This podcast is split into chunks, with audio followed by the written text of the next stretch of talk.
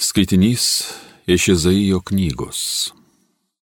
Iš jėsis kelmo išauks atauga, o iš aknies išdyks atžala. Ant jo ilsėsis viešpaties dvasia, išminties ir supratimo dvasia, patarimo ir tvirtumo dvasia, pažinimo ir maldingumo dvasia. Jis bus kupinas viešpaties baimės dvasios. Jisai ne pagal išorę teis, ne pagal nuogirdas spręs, teisingais teis mažuosius, nešališkai spręs vargdienių bylas, savo lūpų lasda jis ištiks smurtininką, burnos kvėpimu užmuš piktą darį. Teisingumas jo klubų diržas, ištikimybė jo strėnų juosta. Tuomet šalia vilko patilps ėriukas, leopardas gulės prie ožiuko, Drauge ganysis veršis ir liūtas, juos sergėti galės mažas vaikas. Karvė draugaus su lokia, kartu atsiguls jų jaunikliai, liūtas ės šiaudus kaip jautis, kūdikis žais prie žalčio lindynės, vaikas galės kišti ranką į gyvatį survą. Visame mano šventajame kalne nevyks nieko pikta, nebus nusikaltimų, nes šalis bus pilna viešpaties pažinimo kaip vandens pripildyta jūra. Ta diena jėsis šaknies atžala stos ženklų tautoms, jo vilsis pagonys, garbinga bus jo buveinė. Tai Dievo žodis.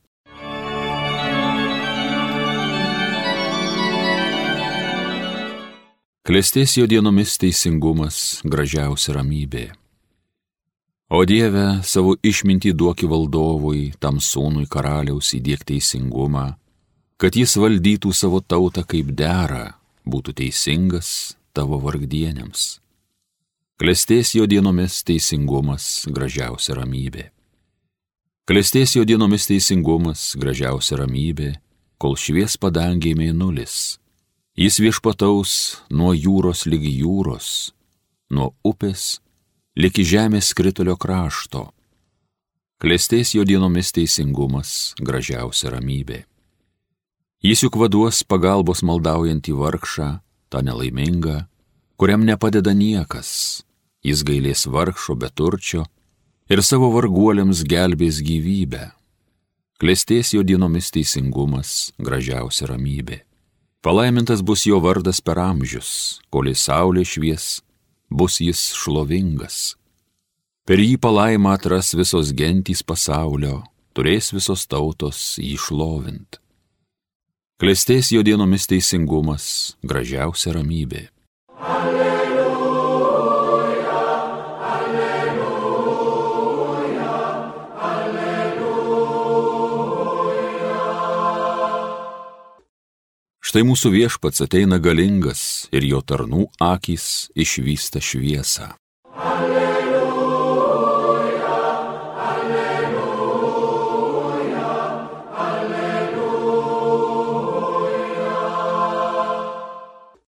Iš Evangelijos pagal Luką. Jėzus pradžiugo šventąją dvasę ir prabilo.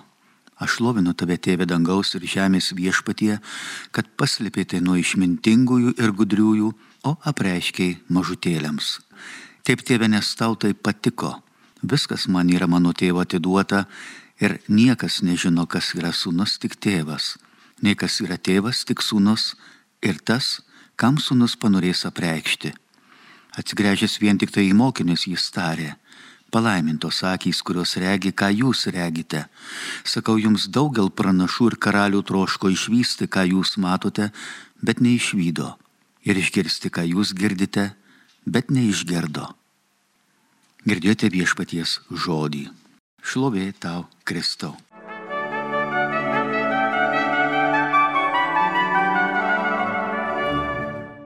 Iš tiesų šlovė tau, Kristau, kaip Jėzus ir sako, kad dangaus žemės viešpatie, kad paslėpėte nuo išmintingų ir gudriųjų, o apreiškė mažutėlėms. Kokiems mažutėlėms? Kitoje vietoje Jėzus sako, jei nepasidarysit kaip vaikai, nepateksit į dangaus karalystę. Sako, į rojų priimu tik vaikus, amžius nesvarbu, 10 metų, 30, 50, 100 metų, bet tai turi būti vaikas.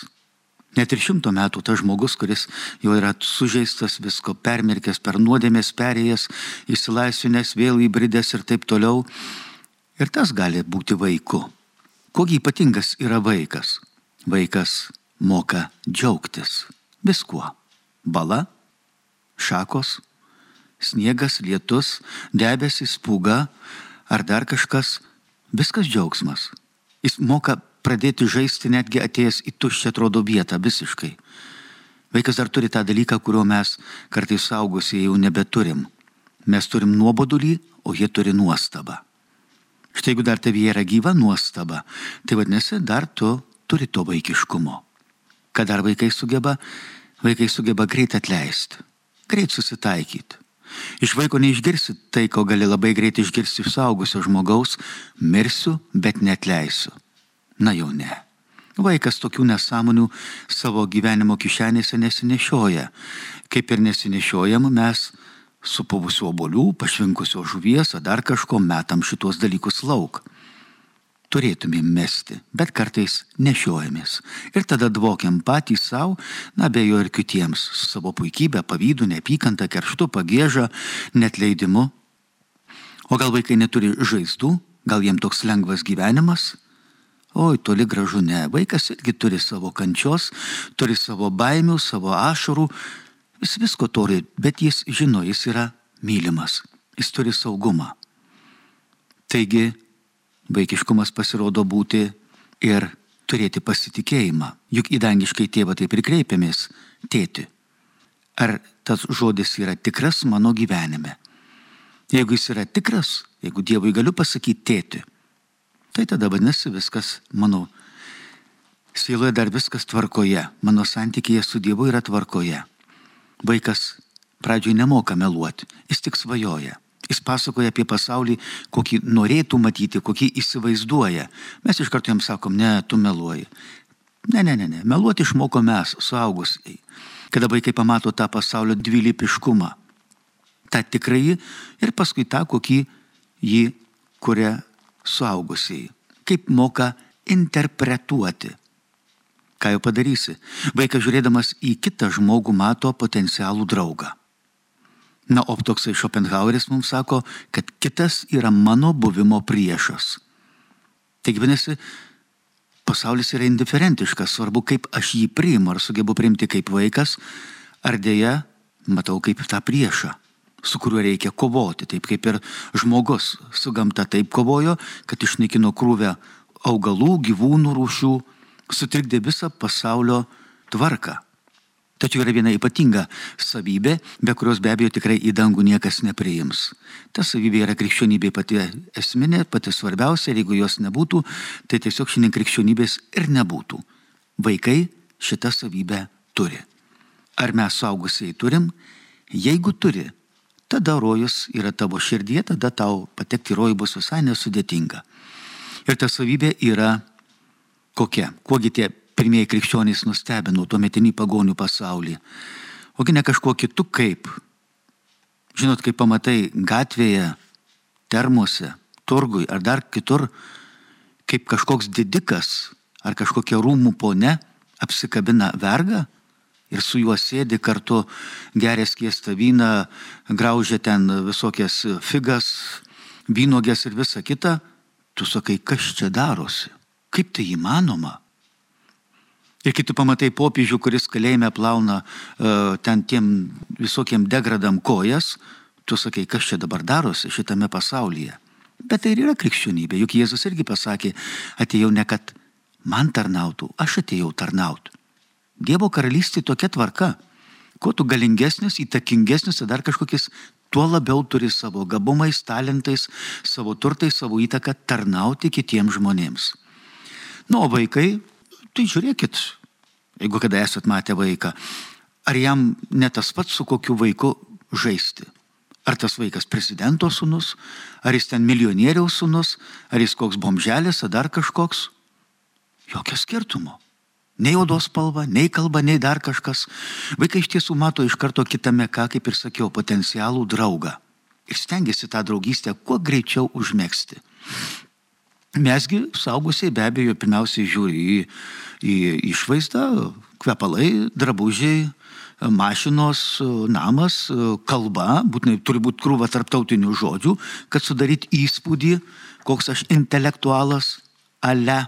Ir taip toliau, ir taip toliau. Tai ką gali paprastai pasakyti, kam sakyti paprastai, jeigu gali sudėtingai.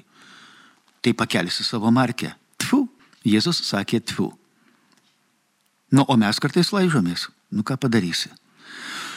Sunku su tais suaugusiais, su tais, kurie jau pasensta pirmą laiko ir pasidaro nuobodus. Patys savo, abi ir kitiems. Todėl Jėzus ir apreiškė gerąją naujieną paprastiesiems, tiems, kurie buvo atvira širdimi, negudriesiems, negalingiesiems, neišmintingiesiems, kad kartais šitie nesuvartytų jo skelbiamos Evangelijos, gerosios naujienos, kad nepadarytų Evangeliją pagal save, o ne tokia, kokia Jėzus skelbė. Puikiai žinom, kaip tie pasaulio galiūnai sugebėjo pasinaudoti Liuteriu, kuris norėjo matyti bažnyčią atsinaujinančią, taip kaip ją atnaujino Pranciškus šventasis, Liuteris norėjo tą patį padaryti, bet žinot puikiai, kad paskui politikai tuo labai gudriai pasinaudojo. Ha, įkurt naują bažnyčią, kurią atskirti nuo popiežiaus, kuris skelbia dorą, teisingumą ir visą kitą.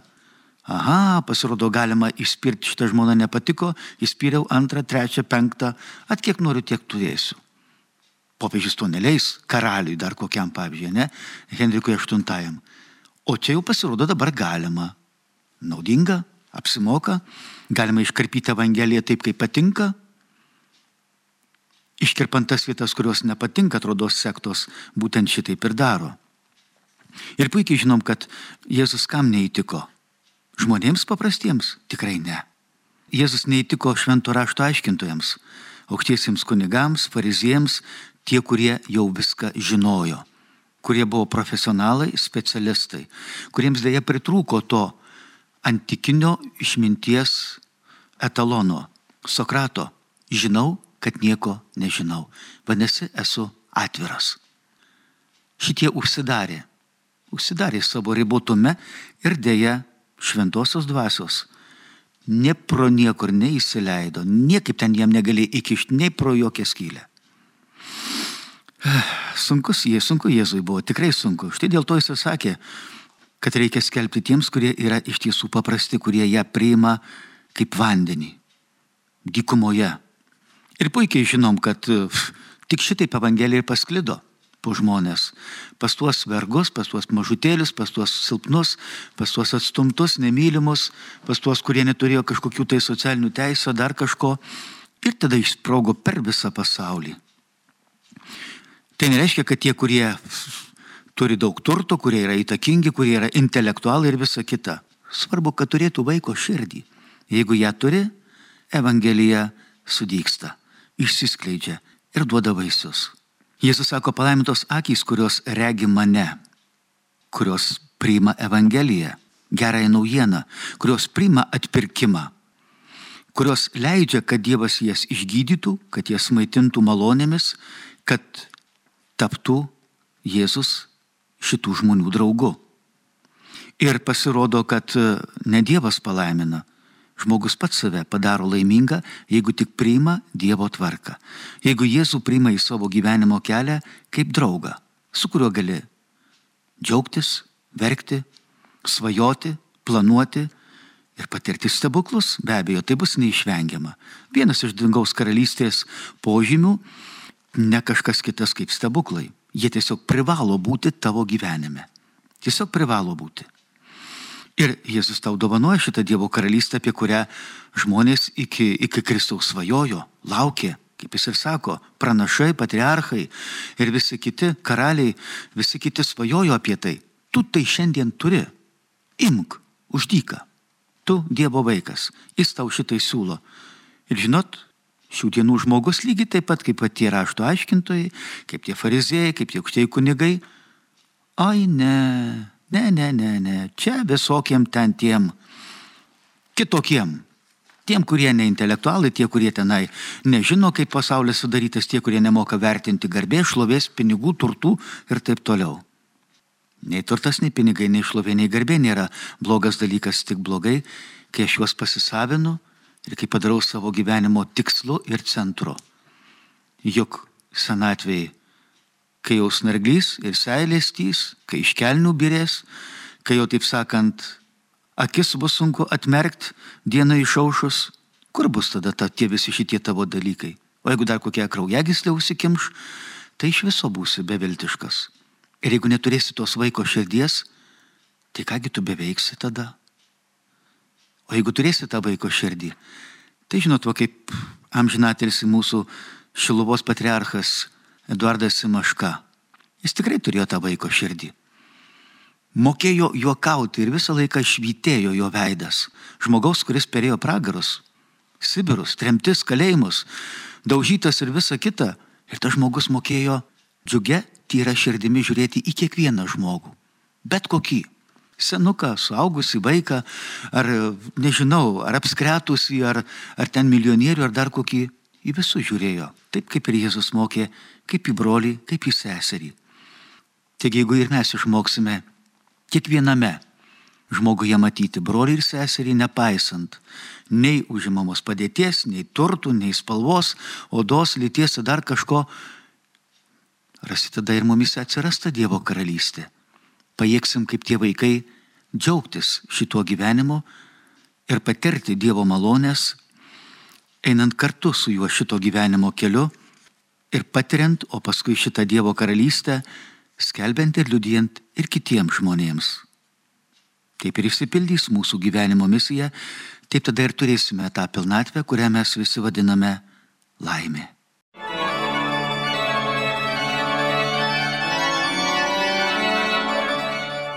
Homilija sakė kunigas Erastas Murauskas.